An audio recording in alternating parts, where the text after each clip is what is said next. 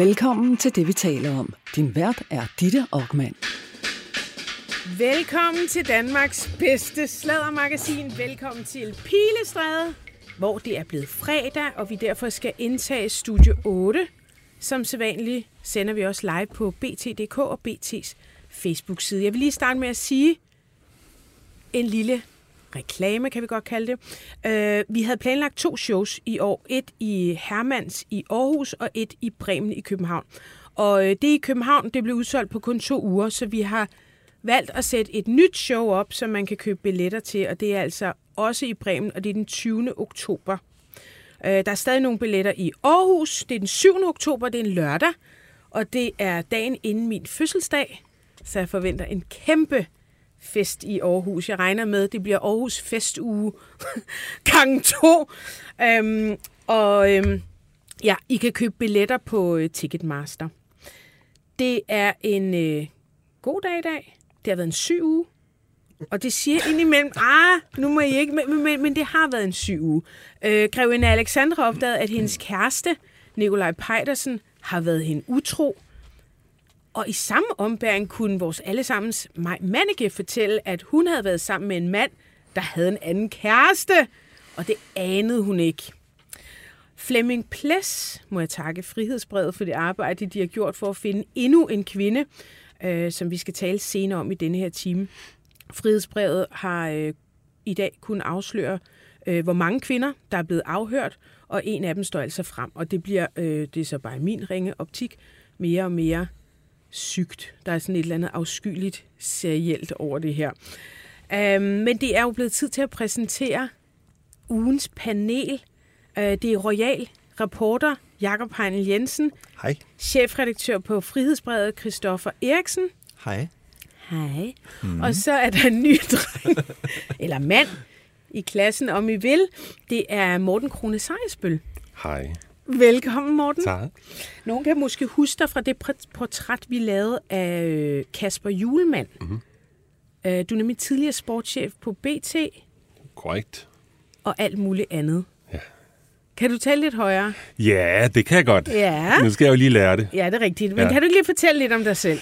Jo, det er rigtigt. Jeg har været sportschef her på BT, og øh, jeg har også været på Berlingske. Mm-hmm. Det var bare en etage op. Den eneste forskel... Var du også sportschef der? Ja. Den eneste forskel var bare, at... øh, afdeling på Ja, det, havde, det har de ikke mere. Nå, okay, nej. Men så, når man gik derop, så tog man lige mellemlederjakken på. Den behøvede man ikke have fundet på BT, det var forskellen. Det kunne man gå i shorts. Ja.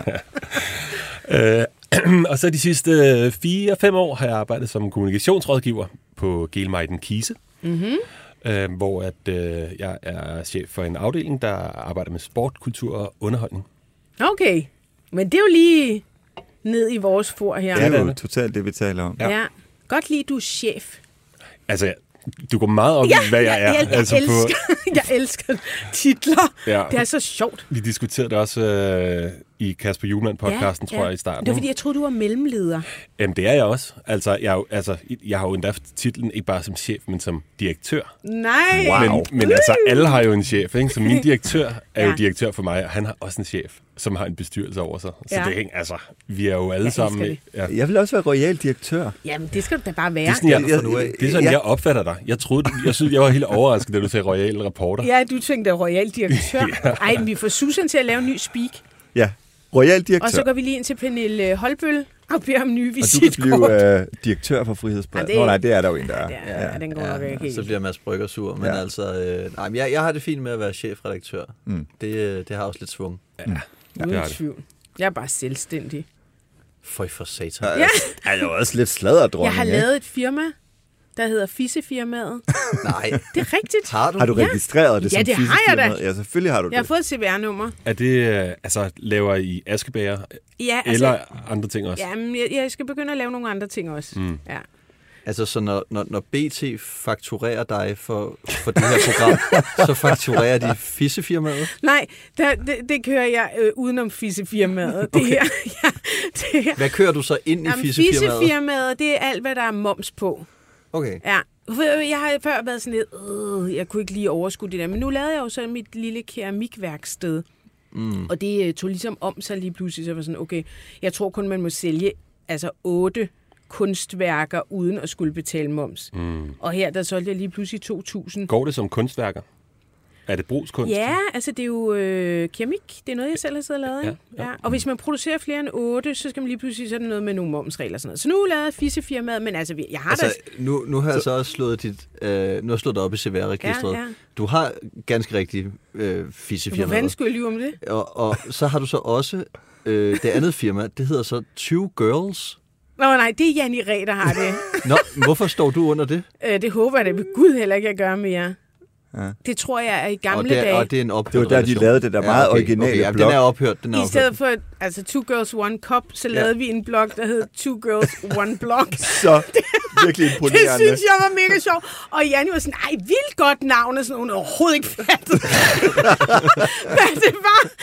Øh, men det, øh, Ja, okay. den, den kørte Janni videre. Jeg, jeg, jeg, jeg hjalp sådan lige i gang med nogle ting, og så... Men så, nu mangler du faktisk bare at realisere din helt store drøm, altså bolleferie.dk. Ja, og øh, der er faktisk... Gud, jeg har fået en mail fra nogle lyttere, som... Fordi så gik jeg ind og kiggede, gud, bolleferie.dk, er det, øh, er det website købt? Fordi det var det ikke dengang, jeg fandt på det. Jeg tror, øh, faktisk det var i min studietid, hvor jeg sådan lidt i tvivl, skal jeg være rejseleder, journalist. Øh, og nå, så, så kunne jeg se, at det var ledigt, og så da vi ligesom googlede det her, da vi talte om det sidste, Så havde Jeppe Søge købt det. Nej. men det hed Jonas, tror jeg. Og så var jeg sådan, ah, damn. Øh, men så fik jeg en mail fra Jonas og hans kæreste, at de havde købt det for at bevare det, og når jeg skulle bruge det... Nej, hvor er det jo, sødt. fandme ja. Wow. Det er Ja, altså det er en drøm, der ligger sygt- klar til dig. Sygt gode lyttere, der øh, Så den dag, at øh, jeg får spark ud af BT, så kan I komme på bolleferie.dk med Ditte Ockmann. Yes. Men øhm, må jeg ikke lige spørge først, har I tudet over Irma i denne her uge? Ja, altså jeg har. Har du? Jamen, jeg, jeg, det, var bare så glad for, at jeg kom hjem fra øh, ferie i Thailand, og så opdagede jeg, at ude på mit toilet, der hang toiletpapiret med de blå striber. Og det er røvnederen at tørre sig i. Det er det overhovedet ikke. Det er da mega godt at tørre sig i. Jeg synes, det har en blød konsistens, og så giver det mig også sådan en eller anden oplevelse af, at det er lidt eksklusivt at tørre røv i det. Mener du det? Ja. Og du har været hjemme hos mig? Ja, du har også godt toiletpapir, Ja, det det, jeg med på. Du har det der one sheet fra Lotus. Ja. One sheet.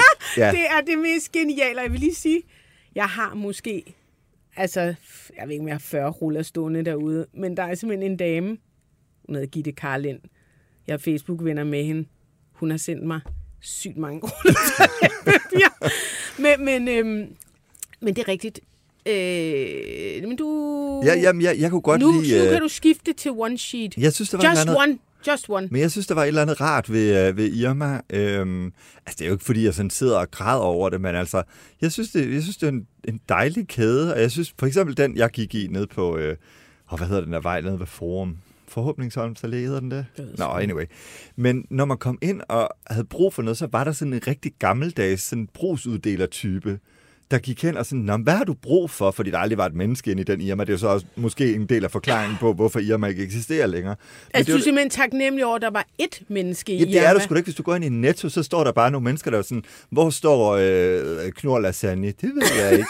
det ikke, fordi jeg har brug for Knor Lasagne? gang, Men, ej, må jeg gerne lige oute dig lidt? ja. En gang, der handlede øh, Jakob Heinl i, øh, i 7-Eleven. Det var en supermarked. Køb bare alt i 7-Eleven. Og det var bare sådan, Det var jeg, var, jeg kunne ikke forstå, at der ikke var kurve derinde. fordi jeg tænkte, hvorfor er der ikke andre, der handler her? Det, det skulle da noget mærkeligt. Det var bare, det var hans one place to go.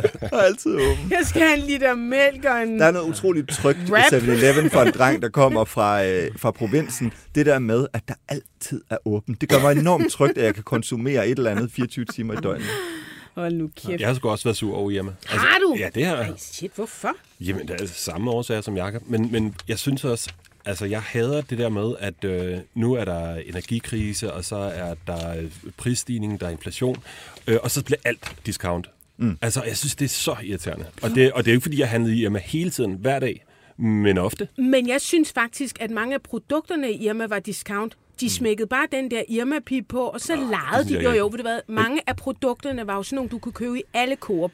Og så havde de smækket den der, øh, øh, dum, ikke dum pige, men den der Irma-pip på. Og så kunne vi lige skrue en tredjedel op for prisen. Altså, det var Men- jo men- Men der er jo ingen tvivl om, at Irma ikke var en discountbutik. Og jeg synes, altså for Ej, at være helt ærlig, alle, alle put, altså i Danmark, der er det jo sådan, når vi går i supermarkeder, så er- altså Netto og de andre, det vil jo svare til, for eksempel i USA, til at gå i 99 cent store. Og det er altså sådan noget, den absolut kun fattigste del af amerikanerne går i, hvor de almindelige supermarkeder i USA, det er jo sådan nogle øh, supermarkeder, hvor øh, frugtafdelingerne buner. Altså Ja, vi har ekstremt dårlige indkøbsforhold i Danmark Det- i forhold til andre lande. Det ligner sådan noget polsk supermarked, Ja, meget af det. kommunistisk.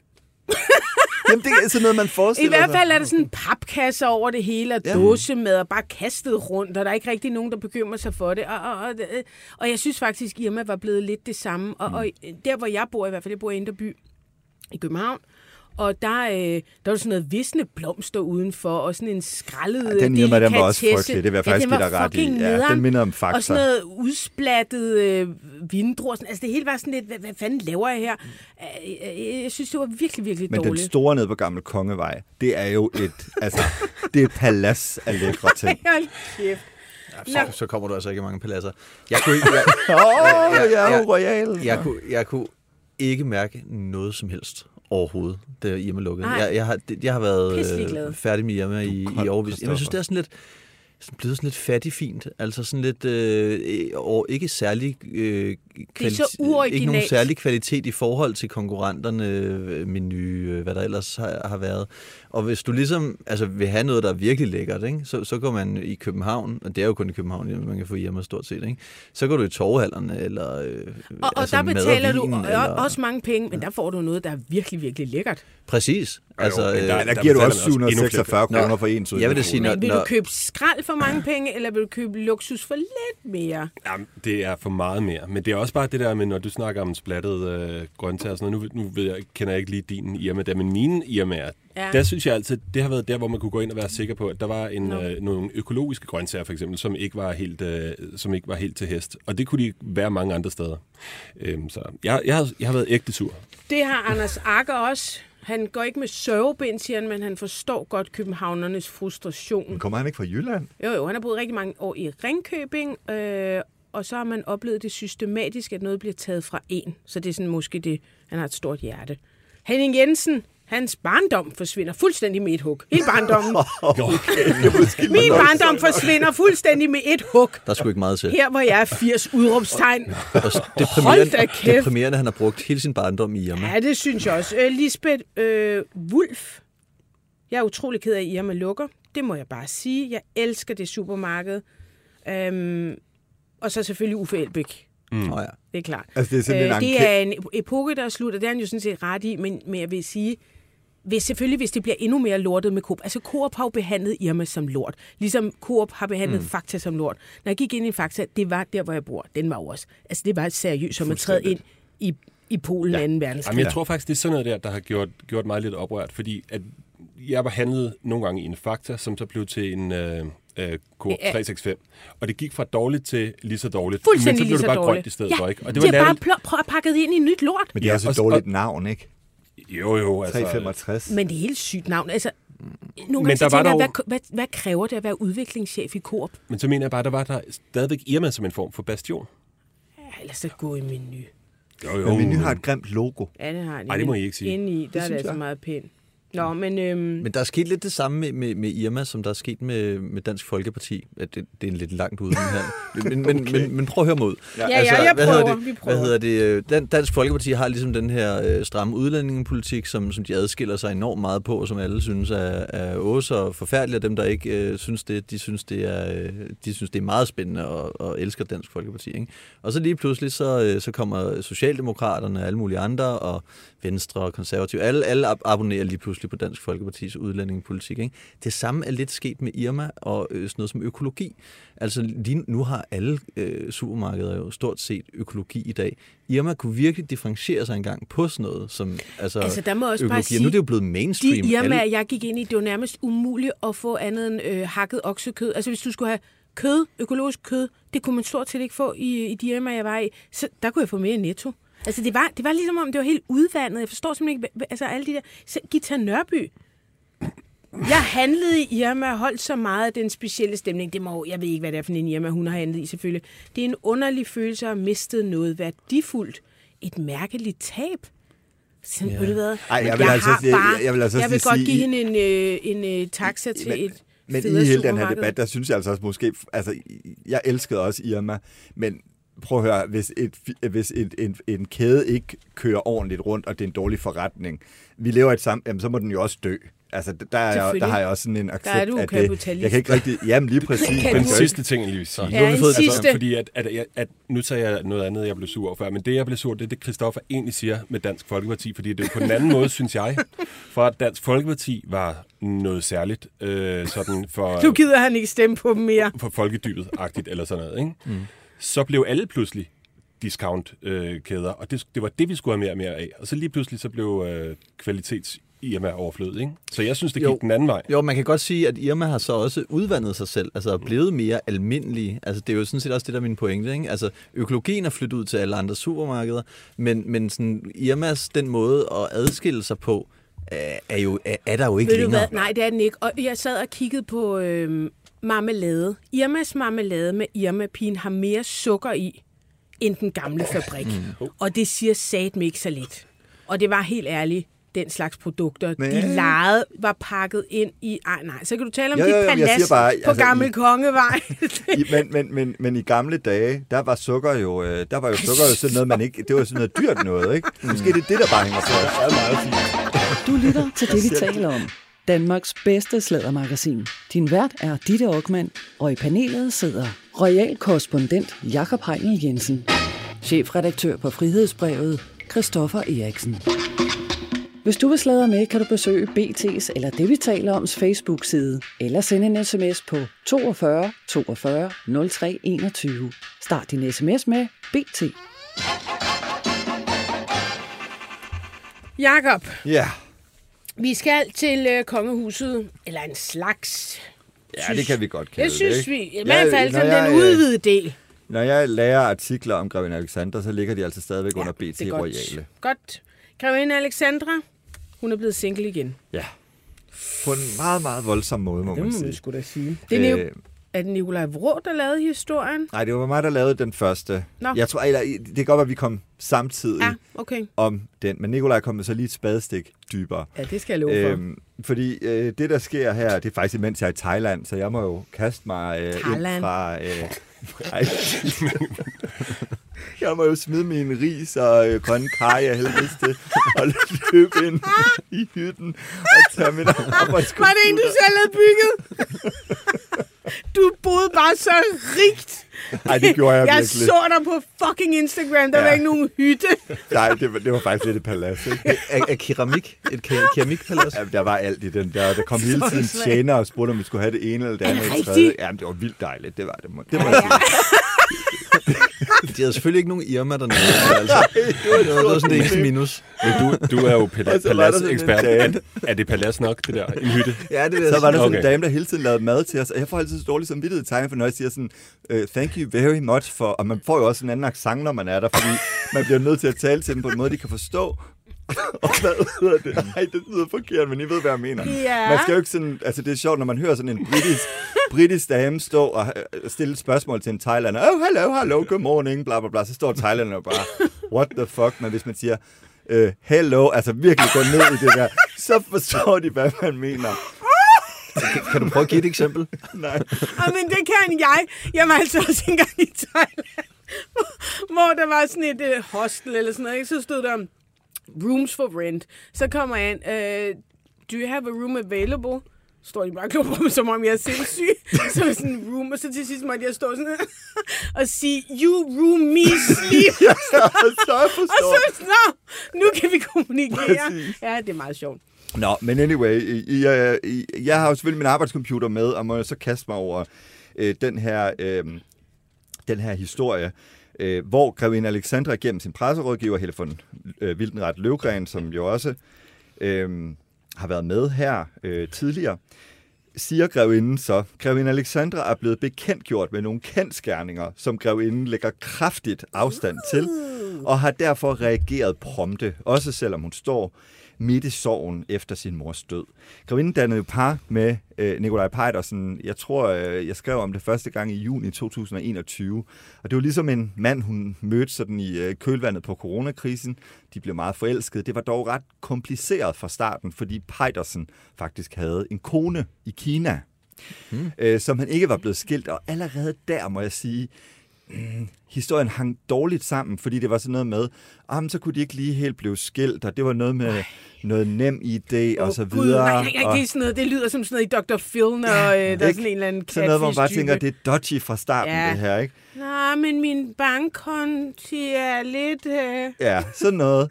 Og, øhm, og så måtte Pejdersen selvfølgelig forklare sig i BT øh, og sige, at øh, det var sådan set fordi, at så, øh, konen skulle kunne beholde sit øh, opholdstilladelse i Kina, og derfor var de kun separeret, de var ikke skilt endnu. Men allerede der ringede der i hvert fald nogle alarmklokker hos, øh, hos mm. nogle af os. Men, øh, men Pejdersen og Alexandra havde jo så det, man vil kalde sådan et, øh, altså et voksen forhold. Det er jo ikke sådan, de flyttede sammen. Det er lidt øh, langdistance, ikke? Jo, fordi så var han meget i Spanien, så var han meget i Kina. Han mm. var sådan måske lidt rådløs, tror jeg godt, man kan, man kan sige. Hvad lavede han i Spanien? Jamen, så, jeg, jeg ved ikke, hvad han lavede i Spanien, men han, han har jo et, en virksomhed, der hedder Wikifactory, som jeg i, i princippet lidt tror, han sådan kan køre, hvor han vil. Mm. Men i Spanien har han altså også et hus, mm-hmm. hvor grevinden også har været nede, mm-hmm. så vidt jeg i hvert fald ved. Og, øh, men, men altså, man skal også lige huske med den historie, det er jo lidt et et underligt forhold, altså se, forstået på den måde, at vi har aldrig faktisk set dem sammen. Altså, der har ikke været et eneste billede i nogen blade øh, mm. af Alexander og Pejdersen sammen. Men, øhm, Men må jeg lige sige, som voksen dame, ikke? Ja. Fraskilt.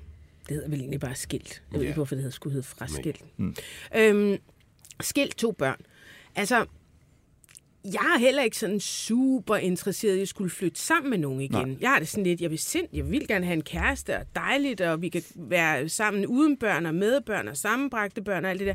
Men jeg gider altså ikke at bo sammen med nogen. Og det var præcis på samme måde, Grevinden. Det tror jeg ikke er så unormalt. Nej, det tror jeg heller ikke. Det var Nej. egentlig på, på samme måde, Alexandra ja. havde det i altså mange af de øh, interviews, øh, jeg har lavet med hende, der har hun sagt, altså, at det her det er jo ikke sådan et, nu skal vi gifte os og være sammen præcis. for evigt. Det er altså øh, uh. god samvær, og, når vi kan være ja, sammen. kæmpe nydelse. Øh, og ellers så har jeg mit eget liv, øh, jeg har min egen lejlighed, ja. Jeg har mine egne børn, øh, alting er. Ja. Det er ikke sådan, jeg skal bygge et liv med ham ja, her. det er bare fordi, du selv siger sådan noget med, sådan, det var jo et lidt særligt forhold. Jeg er ikke sikker på, at det er så... Altså, udover at han selvfølgelig bor i udlandet, men, men det der med at, at leve sådan noget, hvad kalder man det, cola, couples living apart, ja. det, er, det, man gider sgu ikke rigtig om anden omgang. Men, men hvor men, alting er... Ja. Hvad, hvad nej, det er mærkeligt. Det var bare stadigvæk det der med en nem idé. Og ja, det er super, øh, super ja, mærkeligt. Ikke? Ja. Øh, det, det lugtede uh, lidt langt væk. Nå. Men, uh, men altså, kort tid efter egentlig for udgivet den her historie, så kan vores... Uh, øh, anden paneldeltager her i uh, det, vi taler om, Nikolaj Vrå, jo så faktisk komme et spadestik dybere, fordi han skriver, at ifølge her nus oplysninger drejer det her brud sig simpelthen om, at øh, grevinde Alexandra ikke var den eneste, der troede, hun var kæreste med Pejdersen. Helle von Løvgren, undskyld, Helle von Wildenret Løvgren, siger øh, til øh, Nikolaj Bro, det er korrekt, at grevinden desværre fik bekræftet, at der også var en anden. Altså, der var en anden øh, kvinde. Øh, og jeg vil, lige, øh, jeg vil lige hurtigt sige, for det skal vi huske at sige, jeg har forsøgt at få fat i Nikolaj Pejdersen på telefonnummer, jeg tidligere har kontaktet ham på og har talt med ham på. Han er ikke vendt tilbage på mine henvendelser. Han er vendt tilbage på Ekstrabladet. Lige nu. Lige nu. Hvad siger han til dem? Han skriver, for fem minutter siden har de skrevet en artikel. Øh, han skriver til Ekstrabladet, Jeg har været utro, hvilket jeg fortryder dybt. Jeg undskylder uforbeholden til Alexandra, som jeg elsker inderligt og respekterer højt, og til hendes to sønner, som jeg holder ufattelig meget af. Og så fortsætter han, de tre har været uvidende om det, og jeg er frygtelig ked af den smerte, jeg har bragt dem. Jeg håber, de vil tilgive mig. Bum, okay. Så kom der det Prøv lige, mindste... altså det der med at respektere, er der ikke noget weird, der ikke hænger sammen? Hvordan kan man have et... Øh, var det, ja, vi ved ikke, hvor længe, men altså det var over et år. Hvad, hvad skriver Nikolaj? Kan I huske det? Nej, de, altså jeg skrev om det første gang i juni 21, ikke? Jo, jo, nej, men jeg mener utroskabet. Nå, Nå okay. Ja. ja Nikolaj skriver ikke noget om, hvor langt, nej, okay. øh, hvor lang tid det er. Men i mindste så er det i hvert fald, nu kan vi i hvert fald konstatere, at, øh, at Pejdersen har været øh, Alexander utro. Og det er jo bare trist. Også fordi, jeg må også bare lige sige... Hendes track record er ikke skide det, god, det, det, det, men sådan? vi skal, altså, man må aldrig komme ud du i victim på prins Joachim. I den Ej, her. jeg tænker fandme... Altså, jeg tror, prins Joachim er en Det er da meget det god bedste, mand, der er ikke? Jeg sket skulle til for at sige, altså, men, men, men hun, man kan jo godt sidde og, og synes, at der er nogle gode veninder, eller en samtaleterapeut, et eller andet, der lige skal hjælpe hende med at navigere i de der Ja, mænd, fordi ikke? vi, og hvis vi lige tager dem, så har vi jo før Pejdersen, så havde vi jo øh, øh, Tony Lindkold, øh, som øh, egentlig var øh, PET-agent, og på den måde, så skulle man jo tro, okay, han er det mindste øh, fin i kanten, ikke, hvis man arbejder for politiets efterretningstjeneste. Men det viste sig jo, at Tony Lindkold havde solgt kopimøbler, øh, og, og rent faktisk havde en dom for det. Kæmpe problem for grevinden, han blev også herpet ud, og før det øh, øh, behøver vi ikke øh, at, at forklare det nærmere, men der var det jo Martin Jørgensen, mm. øh, hun var sammen med. Så vi skal altså helt tilbage til prins Joachim for, at, øh, at, at, at grevinden havde et forhold, som, øh, som, som var godt. Så du da fuldstændig ret i det. Hun skal nok... Øh, hun, hun- ja, hun skal nok øh, måske øh, øh, ja, vælge Finde- sin mænd med større ja, omhu, Ja, mm. hvis man kan sige det, Det på den en, måde. det er jo en trist historie. Ja. Det, det, som jeg bare hæftede mig ved, det er det her med, at, at det er hende her presserådgiveren, Helle von Wildenret Løvgren. Wildenret. Wildenret Løvgren, øh, som hele tiden udtaler sig til medierne på, øh, på Alexanders vegne. Det kunne være spændende, hvis øh, Alexander på et tidspunkt ville sige noget selv. Det gør hun jo også en gang imellem. Hun har lige givet dig et kæmpe interview, så vidt jeg husker, hun, ikke? Øh, Ej, okay, lige. jo, det, Ej, ej, det var jo i oktober. Ja, det var i, det var i noget. ikke? Ja. Øhm, men altså, det er jo ikke, altså, det, sådan er det jo med royaler, også fordi Alexander jo ikke har protektionsopgaver, så kan vi jo ikke møde op, mm. og, og, og, og så har man så valgt den her løsning. Men, øh, men jeg synes da også, at, øh, at det selvfølgelig havde været fedt, hvis Grevin, Alexander selv havde sagt, at, øh, at han var utro. Øhm, men Ap- apropos øh, Helle for den Vildenret Løvgren, så synes ja. jeg altid, det bliver så farverigt, når hun øh, udtaler sig, ikke? Mm. Altså, det er sådan... Jeg det, det, elsker det. ja. ja, det gør jeg også. Ja. Altså, men... Men det er fordi, det er Men- ærligt, ikke? Det er Jo. ikke noget med, øh, nej, men nu er vi alt er godt, eller et eller andet. Hvis der er noget galt, så siger hun det. Men man, man, man, kan jo også, man kan jo være ærlig på forskellige måder. Altså ikke, nu er jeg så kommunikationsrådgiver jo, og så, mm. så er det jo ikke, fordi vi skal pakke det ind, og det skal være kedeligt og så, og så videre. Men hvis nu hun ikke ville efterlade det der indtryk af, at hun var sådan en, der blev ved med at vælge forske, forkerte mænd. Det kan mm. godt være, hun er det. Men hun vælger jo også rigtige mænd, fordi hun har haft det godt i perioder, ikke? Altså, så, så sker der så et eller andet. Øh, og det er jo ikke hendes skyld nødvendigvis. Nej, så nej. kunne man jo have valgt at, at, at, at udtrykke det på en anden måde. Hmm. Men, men jeg synes, altså sådan for os, der, der kan Ja, lide, der kan vi lide, skal jo der ikke lide at Og det der jo er med der det jo Helle, første gang vi egentlig hørte fra Helle, det tror jeg var i forbindelse med skilsmissen mm. fra øh, Martin. Martin. Ja. Og der kom der jo simpelthen en pressemeddelelse ud, og ja. der var jeg sådan et, ah, endelig, fordi øh, kendte mennesker, øh, kendte menneskers forhold slutter jo altid mega lykkeligt. Ja. Helt vildt lykkeligt. Altså, de er bedste venner. Ja. Ja. De er bare altid bedste venner, og børnene har det mega godt. Og der er selvfølgelig ikke en tredje person involveret. Ej, det er der faktisk ikke. Øh, og her kom der lige pludselig, der var nogle værdier, der var helt forskellige, og det var en straks skilsmisse. Okay, ind på borger.dk og finde ud af, hvad? Hvordan, Ja. hvordan får man en straks skilsmisse? Ikke? Og der er du sådan noget, har du slået en ihjel, eller har du bortført dine børn, eller er du død? Nej, der var vist ikke nogen af tingene, Martin Jørgensen. Og utroskab. Men det, er jo, men det er jo det, altså hvis man ønsker at stå tilbage som den, der ligesom ikke har gjort det forkerte, mm. så får hun da jo i hvert fald udtrykt, at der er nogle andre, der gør det forkerte hele tiden. Jo. Men der sker jo så også det, at man lige pludselig bliver den, det er jo det, vi lige har siddet og talt om, der måske vælger forkert hele tiden. Ja, Men, men, men, men det er jo også et victim menneskeligt, er det blaming, ikke? ikke? Ja, altså, Jo, jo. Hvis vi begynder at sige, for jeg synes jo ikke, det er jo ikke, selvfølgelig så ville det være fedt, hvis Alexander kunne vælge nogle, nogle mænd, der var ordentlige, men det er jo for fanden ikke hendes skyld, Nej, nej. at uh, han er utro. Det er heller ikke hendes skyld, at Tony Lincoln øh, øh, Har fået en dom kopimøbler. Og det, er, for- og det er faktisk også lidt det, jeg argumenterer for. Ja. Ja. Ikke? Men, men i den der meget bombastiske udmelding, der kan det godt, altså der vækker det så meget opsigt, at, der, at det lige pludselig er nogle enormt store skurke, som mm. hun er sammen med. Og, mm. og ja, det ser faktisk ud som om, der er nogle enormt store skurke, Ja. men den rammer bare hende selv på en måde, ikke? I, Ja. i, fordi den rammer øh, noget, der kunne kaldes dårlig Men dømmekraft. Alexander har jo bare valgt sådan en ekstrem ærlig pressestrategi efter hun Ja. brød fra Martin. Altså, jeg kender jo heller ikke andre kongelige, der vil indrømme, at de har fået øh, øh, en ansigtsløftning. Det indrømmede hun øh, for halvandet år siden, fordi man jo selvfølgelig godt kunne se på nogle billeder, mm. at der var nogle ar. Og så i stedet for at gå og sige, øh, det vil jeg ikke sige noget om, så bare sige, hey, det er der jo mange kvinder, der får lavet. Mm. Hvorfor ikke bare være ærlig? Og jeg må altså bare sige, specielt når man arbejder med det, med det royale stofområde, så er det dog en befrielse, mm. at der er nogen, der taler lige ud af posen. Okay, så hun har, hun er, har opdaget, at eller, hun- øh, der har været en anden. Ja. Lag så mærke til, at faktisk samme dag, Ja. jeg mener det var samme dag, der fortæller mig Manneke, at hun også er blevet bedraget. Ja. Trekantsdrama hed historien. Han har bedraget både mig og en anden kvinde og er blevet afsløret. Mm.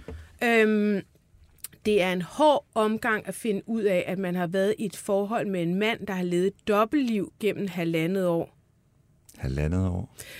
Han har bedraget både mig og en anden kvinde, og er blevet afsløret, fortæller hun så til Se og Hør. Ikke? Og, og hvis man sådan kiggede på hendes... Er, er vi Øh, ved at lægge to og to sammen nu?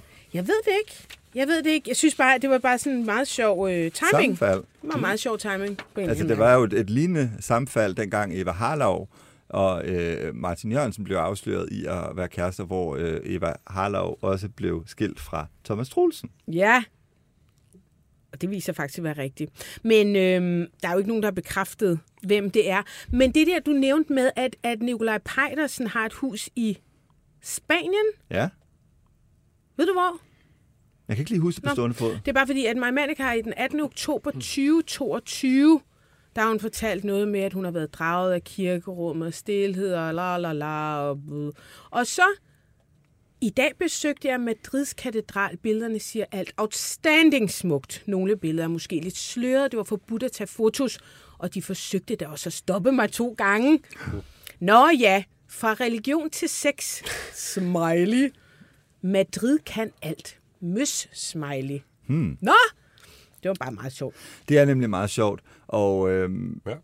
ja, Du kigger på ville mig. Jeg har også været i Madrid. Ja. Jeg har altså ikke noget med det, der gør. Nej, okay, Har okay, du også haft okay. sex i Jeg har nemlig Madrid? ikke været i Madrid. Øhm, nej, jeg kan jo desværre ikke... Øh, jeg bliver jo nødt til at læse, hvad andre medier skriver om mig Manneke, fordi øh, hun stemplede mig jo engang som mandschauvinist, fordi jeg afslørede et eller andet. Og hendes mor Så- så, jeg altså også, at bøsser er mere Vi er kvindehadske. Det er rigtigt. Ja. Nå, det var sådan, hun sagde. Ja, Hun sagde, at vi er kvindehadske. kvindehadske. Ja, Ja, ja. Så jeg kan ikke komme ind og se, øh, hvad Maja Manneke skriver om alle de der øh, øh, mærkelige ting, som hun skriver om. Nå, men nu har hun efter en times overtagelse af en veninde, og oven på halvandet års forhold til en mand, der viste sig at være den værste svindler og levede et dobbeltliv, så har hun altså nu gjort det. Hun har oprettet en Tinder-profil. Så på Tinder, drenge, Men, men hvad, hvad er det så, der står med det der? For det forstår jeg faktisk ikke helt, at, at der har, den har fået 5.000 likes på den der Tinder-profil. Står der ikke det? det ved jeg sgu ikke. Men jeg tænker bare, får man likes på Tinder? Ja, men det har Altså, ikke swiper man ikke bare? Er det mig, der...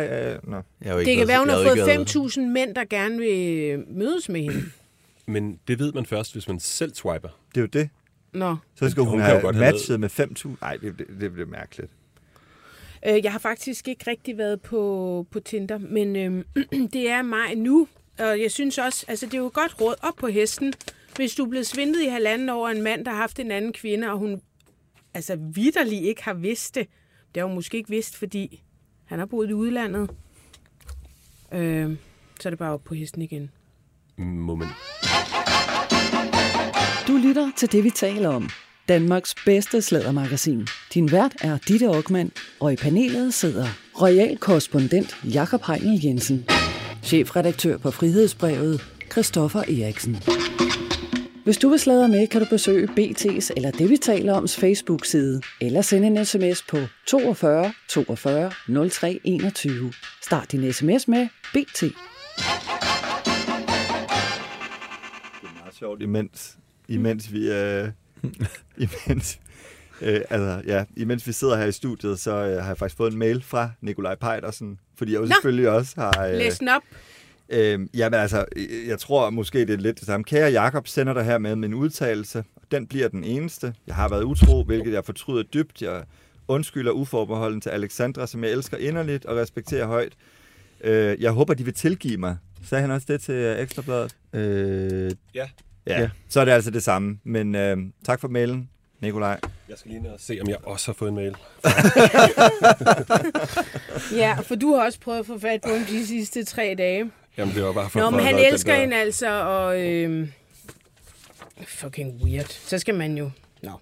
Øhm, må jeg lige spørge om noget? Øh, har I set øh, Nikolaj... Nikolaj til Danmark? Kan du ikke lige prøve at forklare? Jo. Nikolaj...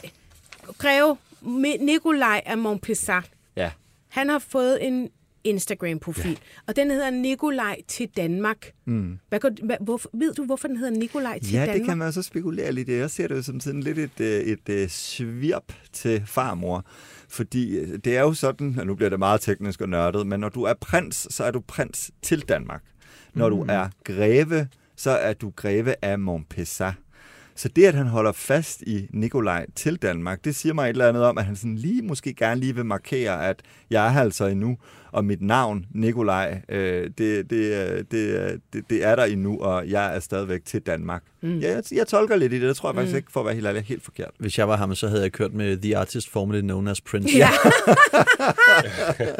det er rigtigt, det skulle være Ej, hans Instagram. ærgerligt. Ja. Men det, der er interessant ved hans Instagram-konto, øh, prins Nikolaj, der har jo været to forskellige. En, der har været sådan lidt privat. ja, der stod nemlig nogle steder sådan, det er hans første konto. Nej, det er og det sådan, ikke. Ah, Nej, det er han det havde ikke. også en, der hedder Nikolaj Frederiksborg, Ja. Som dog er noget mindre nu. Jeg, jeg er lidt i tvivl om, hvorvidt den er så aktiv.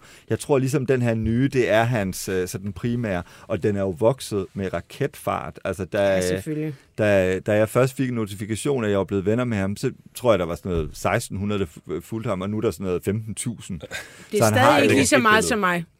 Nej, men det kommer? I'm sorry, ja, det men ved jeg godt. ja, han kommer nok derop. Så må jeg leve med det. Han Ja. har kun lagt et billede op. Det har til gengæld fået vildt mange likes. Jeg håber, der kommer nogle flere. Jeg håber, han vil give den gas. Ja, altså hvad kan vi forvente-? Fordi der har været nogen, der sådan, uh, nu kommer, var det dig, der sagde, at kongehuset kommer til at ryste i bukserne? Det var ikke mit direkte citat, men uh, det var fald artiklen på BT. ja. Men jeg vil sige det på den måde. Fordi det er han jo er jo ikke, alt for ordentlig. Han kommer jo ikke til Han er mega ordentlig, men jeg vil sige det på den måde, at øh, øh, man kan måske godt man kan måske godt forvente, at med den ærlighed, der er kommet fra den side af familien det sidste halve år, så tror jeg godt, at Nikolaj han kan finde på at vise øh, nogle sider. Og så må jeg også bare komme med en opfordring, fordi jeg vil da meget gerne vide, hvad der egentlig foregår, og hvad der er foregået i den kongelige familie. For vi Men har tror jo du, at, alle han, sammen... at det kommer jo ikke til at foregå på Instagram? Nej, det gør der Hvad ikke. siger men- du, ja, men jeg- hvad siger jeg- du, øh, Morten? Jeg synes, det er så spændende, fordi uh, altså, det, er jo, det er jo først nu, altså sådan, eller siden Alexander og Joachim gik fra hinanden, og særligt efter Martin Jørgensen måske, at sådan, vi ser den der side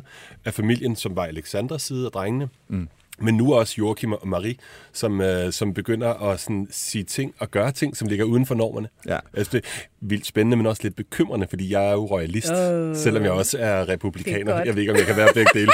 Hvordan det? det er bare, fordi jeg elsker kongehuset. Jeg kan, jeg kan godt Hvad lide... er det, du elsker? Prøv at forklare det. Åh, måske det er noget med... Øhm, det er nok noget med nogle traditioner. Altså, jeg kan lide, når garden går igennem København. Jeg kan lide, at, øh, at dronningen møder, møder op, og når hun gør det, så gør man så fint i tøjet og nejer og bukker, og man gør lidt særligt ud af det.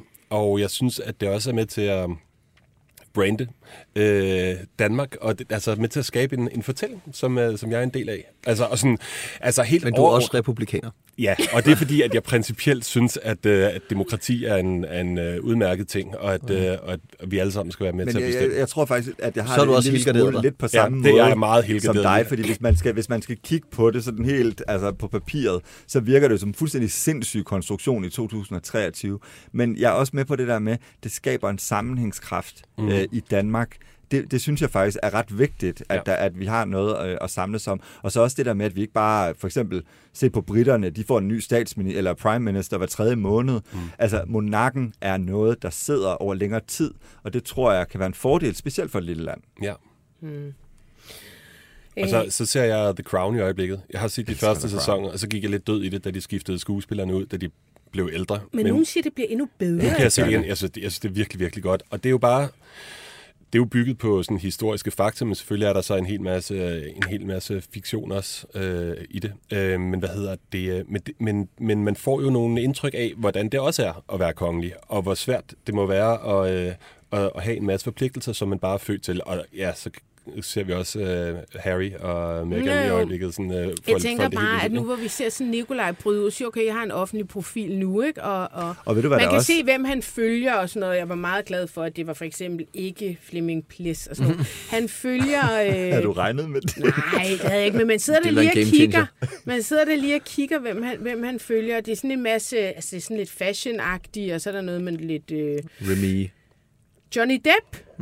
Det Okay, jeg. ja. Det var meget sjovt. Ja, Men ja. faktisk så tror jeg altså også, at prinsesse Marie har fået en... Øh, Så Ja. han er på Team Johnny. øh, fordi, Det, det synes jeg Men- godt, vi kan tillade os at men jeg synes jo, det kunne konkludere. være rigtig spændende, Følger han hvis også alle medlemmerne af kongehuset fik deres egen prof. Altså, Han sådan er det følger jo også faktisk. kongehuset. Nå, okay. Nå, gør han det? Ja, ja, han følger det danske kongehus. Øhm, men, men, men jeg tror bare... Han, han skal jo se, om farmor hun øh, melder noget ud om titler ja, og sådan noget. ja, ja, Ja, lige pludselig så er han heller ikke greve længere. Så er han bare Nikolaj. Det er i hvert fald ikke, det er ikke den direkte kontakt der. De, de, de kommunikerer kun gennem Instagram. Ja, det er dronningens øh, favorit. Hendes foretrukne medie. Nej, men altså, men, men jeg synes bare, det kunne være meget sjovt, hvis de forskellige medlemmer af kongehuset fik deres egen Instagram, for det ville også give, hvad skal man sige, muligheder for at lave endnu flere historier om de konflikter, som altså måtte være. Men, og det ville gøre dit arbejde både lettere og federe, men også ret kortsigtet. Ja, fordi du ret. på den lange bane, så ville det jo dø hen. Det der. Ja, og der er jo også et eller andet spændende med at rende rundt og lede efter de kongelige alle mulige mærkelige steder for at få ja. solocitater. Og Uh, det, mig. Jeg bliver nødt til at tage til Paris for at møde øh, prinsen. og sådan. Helt tilfældigt i en park. Ja, ja. Hmm, kigger han. Christoffer Eriksen. Ja. Ja. ja, jeg vågnede op i morges og var øh, virkelig øh, glad for at læse øh, Frihedsbrevet. Ja, Jeg er glad abonnent. det er du vel hver morgen. Ah, jeg er ikke så god til hver morgen, men, Okay. øh, men, men, men øh, det er dejligt, at man både kan lytte jeres artikler Ja, og, øh, og læse dem. Men øh, det er der faktisk, altså det gør flest af vores, lytter de? ja, altså vi vil næsten ikke kalde dem læsere, så må man kalde dem lyttere. okay, fordi ja. jeg læser faktisk mest. ja, men vi, vi har flest, der lytter. Ja, ja. Alright. Øhm, Flemming Ples. Yes. I har arbejdet videre på sagen, og har faktisk, jeg har lyst til at sige, som det eneste medie ud over det, vi taler om, fundet nyt. Ja, altså man kan sige, øh, som jeg jo også løftede sløret for, for et par uger siden her i programmet, så, så var det en sag, vi har, øh, vi har kigget på. Øh, hvad hedder det, øh, det? Det er, jo, det er jo bare en helt vild sag med, med, med Flemming Ples. Øh, til, til, til lyttere, der ikke... Øh, til nye lyttere af det, vi taler om. Behøver man at... Nej, det tror jeg ikke, vi okay. behøver. Det behøver vi Så vil sige, altså, øh, hvad hedder det, i forhold til den voldsomme øh, klage, som, som øh, biskoppen modtog for, ja, det er to år siden nu, og som I løftede sløret for her i programmet, øh, af, af Flemming Ples og, og den måde, han gebærder sig på, krænker kvinder, øh, misbruger sin, øh, sin, sin magt. Jamen, øh, der, øh, der er vi kommet lidt videre nu. Der blev iværksat dengang en, øh, en advokatundersøgelse. Det førte til en tjenestemandssag, og så æbbede det ud i det rene ingen- ingenting, fordi Flemming Ples han jo øh, smed præstekraven og, øh, og gik på pension. Og det gjorde han faktisk samme dag. Det gjorde han samme dag, som, der han modtog sin partshøring. indstilling. Ja. Der kom en indstilling fra Kirkeministeriet efter mm. øh, et meget langt forløb med afhøringer. Man troede jo faktisk næsten, der måtte være mellem 300.000 og måske 400.000 ofre, siden det tog så lang tid. Ja, altså øh, det er i hvert fald, det står meget uklart for mig, hvorfor det her forløb har været så langstrakt. Og det er en af de ting, vi fortsat prøver at- undersøge på øh, frihedsbrevet. Det vi har kunne løfte sløret for nu, det er, at det handler om, øh, om 14 øh, personer, der er blevet afhørt, og som i øh, forskellige grader har fortalt om øh, krænkende, upassende, grænseoverskridende øh, opførsel af, af Flemming Ples. Øh, vi har også kunne, øh, kunne afsløre, at der har været 18 henvendelser i alt. Det har så kun været 14, der ligesom har ville mødes med, med de her advokater og givet deres, øh, deres vidnesbyrd. Kroman Rømert, er det rigtigt? Kroman Rømer, ja. Ja. Øhm, og, øh, og det her advokatfirma, de, øh, de, de, de vurderer ligesom, at det her det er, så, det er så slemt, at der er grundlag for at rejse en, øh, en øh, tjenestemandssag med henblik på øh, at suspendere ham simpelthen. Øhm, hvad hedder det? Øh, det, har, det er så også øh, det vi så også kan fortælle i dag, det er at vi har talt med en, øh, en kilde, der hedder Ida. Det gør hun i virkeligheden. Hun står ikke frem med sit efternavn, fordi øh, ja, på grund af sin nuværende arbejde osv. Men, øh, men hun var øh, øh, korsanger i, øh, i, i kirken og er virkelig altså øh, for, for, synes jeg fortæller meget godt, hvad det er, man har været, øh, eller flere har, har været udsat for af Flemming Ples og den modus operandi, som han, øh, han gør brug af.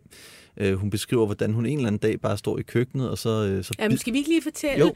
at Ida er jo faktisk øh, meget, meget ung. Hun, Jo. øh, som jeg forstår det, er hun, da hun sådan går i kirken, øh, nærmest teenager. Hendes forældre skal skilles, og hun Ja. har det ikke særlig godt. Altså, hvor gammel er hun? Hun er, tre, jeg mener, hun er 23 på det her tidspunkt. Er hun, er hun det? Nej, det er jo ikke det, at forældre skal skilles. Jeg tror, det, der er hun før, fordi så bliver hun nemlig kirkesanger. Kan være, at jeg er læst forkert. Men, men som jeg forstår det, Ja, altså i hvert fald så, så er hun jo ligesom i, i, i kirken her, og, øh, Og, Hun øh, kommer altså, igen har det, som en af de der, der netop har det lidt svært, ikke? hun har, hun har det svært, og hun har betroet sin, sit, hun har krænket sit indre ud til, til Flemming Ples, og, øh, og, og, og betroet sig og så videre, og så en eller anden dag, så Hun bliver fortæl, så ansat som kirkesanger der, som, ja, som, efter nogle øhm, år. Som hun er, hun er i, øh, hvad hedder det, øh, da hun er i, i den her kirke, så, så øh, hvad hedder det, øh, så sker det, nu læser jeg bare et citat Ja, ja, op ja, fra ja. hende, ikke? En dag sniger han sig ind på mig bagfra og river mit hoved tilbage i håret og bider mig i øret. Så står han der i sin præstekjole med mit øre i munden, og jeg står og er ved at lave kaffe til kirkens ansatte. Det var både grotesk og mærkeligt. Øh, og, og det her, det står ligesom, øh, hvad hedder det, på i, i lang tid, ikke? Altså, øh, hun, hun bliver så øh, ansat øh, under ham som, som kirkesanger, og hun fortæller om, hvordan hun, hun gennemlever en, en, en, skils, altså en skilsmisse, ikke sin egen, men sin forældres. Det, det er hårdt, hun har det svært, og familien bliver ligesom sådan en eller anden form for ekstra hjem for hende, ikke? Hvor over er det her? Hun er over, er undskyld, det her ja, cirka? Altså, hvor mange år er det her siden den episode? Øh, lige den her episode, jamen det er... Åh, I skriver, at Ja. ja. nu sad jeg lige mens du læste op og Ja. læste noget andet af artiklen. Som ung teenager blev hun ansat der. Ja, Ja. hun bliver ansat som ung teenager, og der øh, får hun...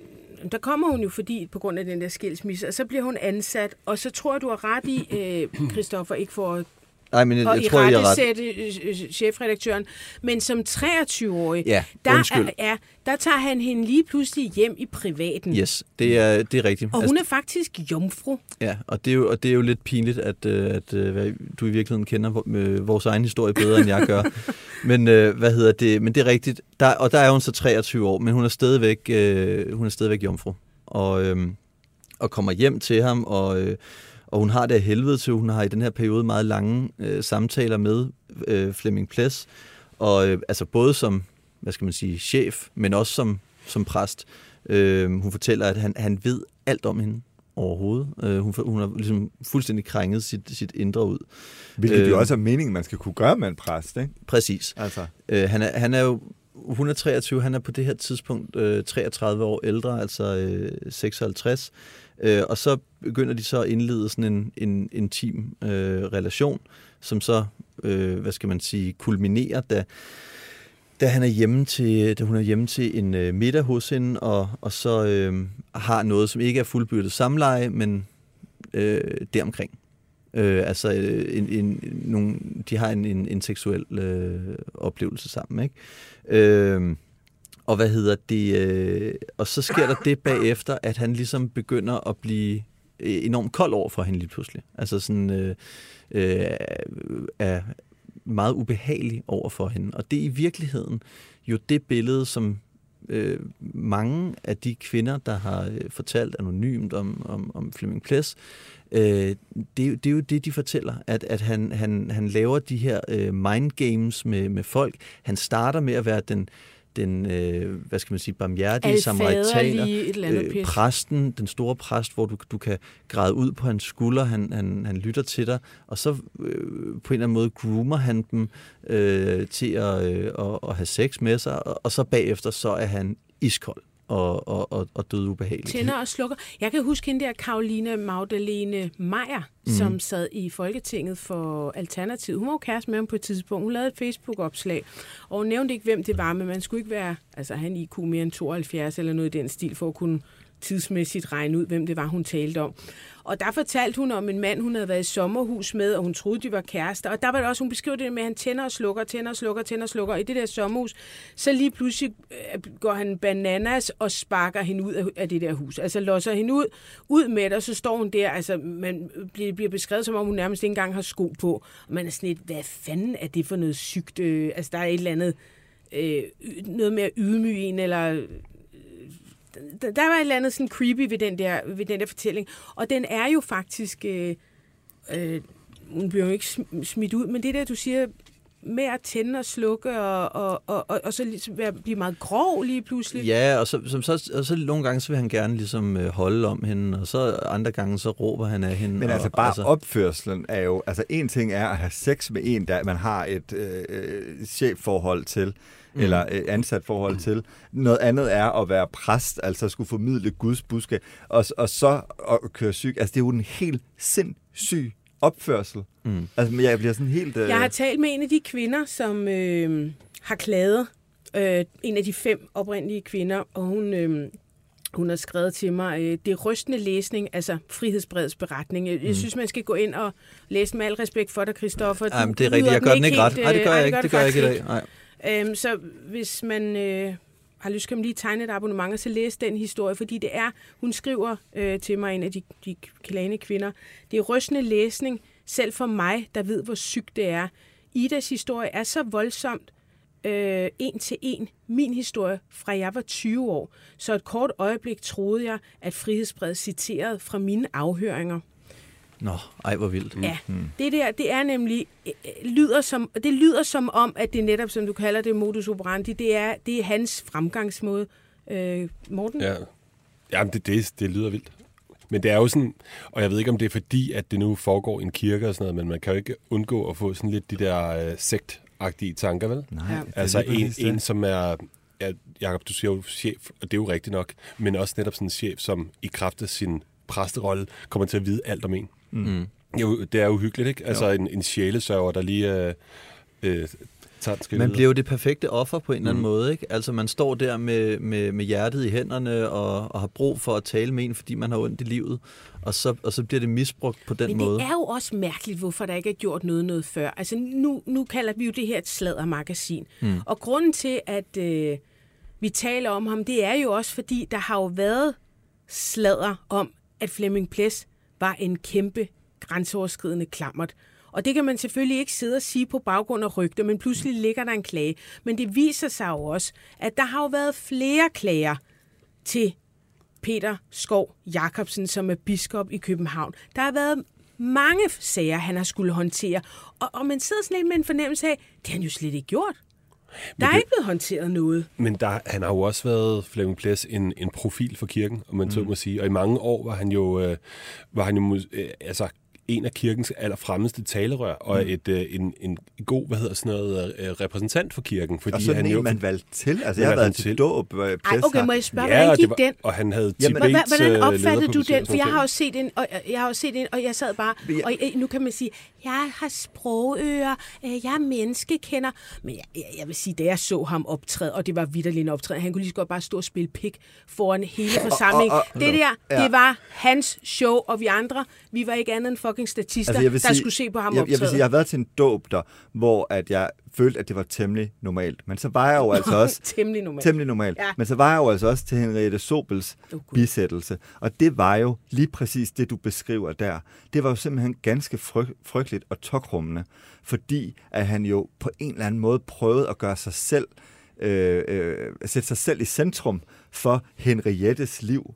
Øh, og set i bagklodskabens lys nu, man sad jo og tænkte, Nå, men han kendte hende måske også rigtig mm. godt, og var måske også okay. Men nu sidder man jo med sådan en, en fornemmelse af, at han bare prøvede at, at blive midtpunkt for show. den her, øh, på den her begravelse eller bi- bisættelse af en kvinde, som var i mediernes søgelys. Ja, og jeg vil sige, uden at, uden at vide, hvorfor det har kunne stå på i så mange år, uden at, at, at der er blevet øh, grebet ind, og han er blevet sparket ud for, for, for lang tid siden, øh, så, så, så vil jeg... Øh, jeg, jeg vil tro, at det, at det kan måske have, have, have noget at gøre med, at han har været den her ekstremt øh, vilde, ekscentriske øh, præst, som har, har lavet alle mulige mærkelige ting, har haft til middag hos inde i, i kirken. Men der fik han jo en- faktisk en næse, og, eller og hvad fået, sådan en, noget fået, en, fået en røffel for det, ikke? Påtale, ja.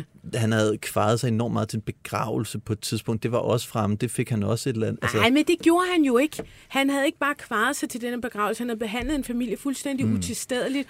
Og, og, og, Yes. og, og da, da, da Men- klagen så kommer en meget, meget ubehagelig beskrivelse af, hvordan han fuldstændig respektløs haver den der familie over med historier om, øh, jeg har begravet netop Sobel og, øh, hvad hed hun, øh, Natasha og la la la, og, og, og han ævlede og bævlede og begyndte, så tog han lige telefonen, så ringede øh, svigermor og skulle hente, have få hentet en pakke, så sad han og skrev pakkenummer ned oven på deres tale og sådan noget. De var fuldstændig chokeret, og hvad var det, biskoppen gjorde? Han vendte tilbage og sagde, jeg har talt med Flemming nu, han, han, han siger, at vi- hvis det er sådan, jeg oplevede det, er han ked af det. Hej, hej! Ja, men, men, men, men, men der er jo to ting, der er jo to ting her, og det, og det, det, og det ene er værre end det andet. Fordi i princippet, hvis man har givet ham længere snor fordi han har været kendispræst. Ja, det er da mega klamt. Det er da mega klamt, men, men hvad der også er klamt, er jo i virkeligheden, hvis processen for at behandle klager over præster i folkekirken, som på et generelt plan skal være sådan her. Mm. Fordi så kan man jo aldrig nogensinde komme til nogle Men problemer det til skal det livs. da heller ikke. Det er det, jeg mener. Fordi du har en, en institution som DR, de kunne interviewe 165 øh, piger i, på, i ti, øh, fire forskellige årtier, og det var færdigt på fire måneder. Mm. Min pointe er sådan set også bare, at jeg tror, at det har været et meget mudret billede, der har været af, af, af Flemming Ples og, og hans adfærd, og hvad er det, der er galt med ham, og så videre, og så videre. Øh, jeg, jeg, jeg, jeg mener ikke, at der er ført dokumentation for endnu, at biskoppen har siddet med øh, 5, 6, 7 øh, henvendelser om, om den her form for fuldstændig øh, øh, vanvittig adfærd i forhold til at, at udnytte kvinder, der kommer i, i sjælesorg. Øh, han har muligvis siddet med andre sager, som har øh, på en eller anden måde øh, Øh, været alarmklokker, eller øh, kunne, have været, øh, i, kunne i hvert fald have været det, hvor man har tænkt, hvad er, hvad, hvad er der galt med den mand? Men hvis det hele tiden har været forskellige, altså øh, men, ting, han har... Ja, men også, altså... Men er så de, kan er man de, jo jamen, er de godt kommet samtidig? set- Er de kommet samtidig, alle de, der kom- henvendelser? Ja, de fem er kommet samtidig, men Ja, mange ja. er kommet tilbage i tiden, og nogle er kommet i forbindelse med de fem henvendelser. Mm. Så selvfølgelig dem, der kommer efter de fem henvendelser, det er klart, dem kan han jo ikke forholde sig til. Nej. Men der har jo været henvendelser inden, og, og du må sgu meget undskylde, altså hvis det halve af København ved, at der var noget fuldstændig gag-gag ude i den der kirke, så er det sgu da lidt mærkeligt, at biskoppen ikke på et eller andet tidspunkt begynder at, tage, begynder at connect the dots. Altså, jeg går ud fra, at han er en også normalt ansvaret. begavet mand. Altså, Altså, det er, vel også, det, det er vel også en del af biskopens ansvar, jeg kan det? fortælle, at, at biskoppen har selv sendt en mail ud til alle ansatte mm. i kirken og alle frivillige i kirken. Og øhm, jeg vil godt læse øh, lidt op for den mail. Øh, uden at kommentere på de konkrete sager, reflekterer jeg over min egen rolle i processen. Hvor jeg også indrømmer det almenmenneskelige, nemlig at fejle. Ingen kan lykkes altid. Når man bliver yderligere oplyst, kan man i bagklodskabens lys ikke altid undgå at beklage sine handlinger. Prøv lige at høre den her formulering. Når man bliver yderligere oplyst, kan man i bagklodskabens lys ikke altid undgå at beklage sine handlinger. Jeg kan næsten ikke forstå, hvad det betyder. Altså, det er jo vildt øh, underligt Det er- formuleret. Det... Altså, det er toppen af Det betyder jo, øh, tror jeg, at når han kigger tilbage, så vil han da ønske, at han havde slået ned på Flemming Ples noget før. Og Det kunne man i hvert fald godt have sagt Han kan i hvert fald ikke undgå det. Mm. Det er, det er en, det er en grineren, øh, eller i hvert fald en besynderlig... Øh, anyway. Men jeg er glad for artiklerne, for om end de krasser lidt i øh, forfængeligheden at se sig selv fremstillet sådan på skrift, er det også en øjenåbner, der kredser rundt om det for kirken helt centrale mødet mellem mennesker. Mm. Min fejl består i, at jeg fravalgte mødet med et menneske, der med al tydelighed rakte ud. Jeg tror, det er mange, men mm. nu skal jeg heller ikke være MC. Jeg mistede øjenkontakten med det menneske, der rakte ud. Det fortryder jeg. Øhm, og så øh, der er også øh, andre møder mennesker på spil, og for kirkens vedkommende, det vigtigste møde er, at vi lever under og elsker os, og la la la la la.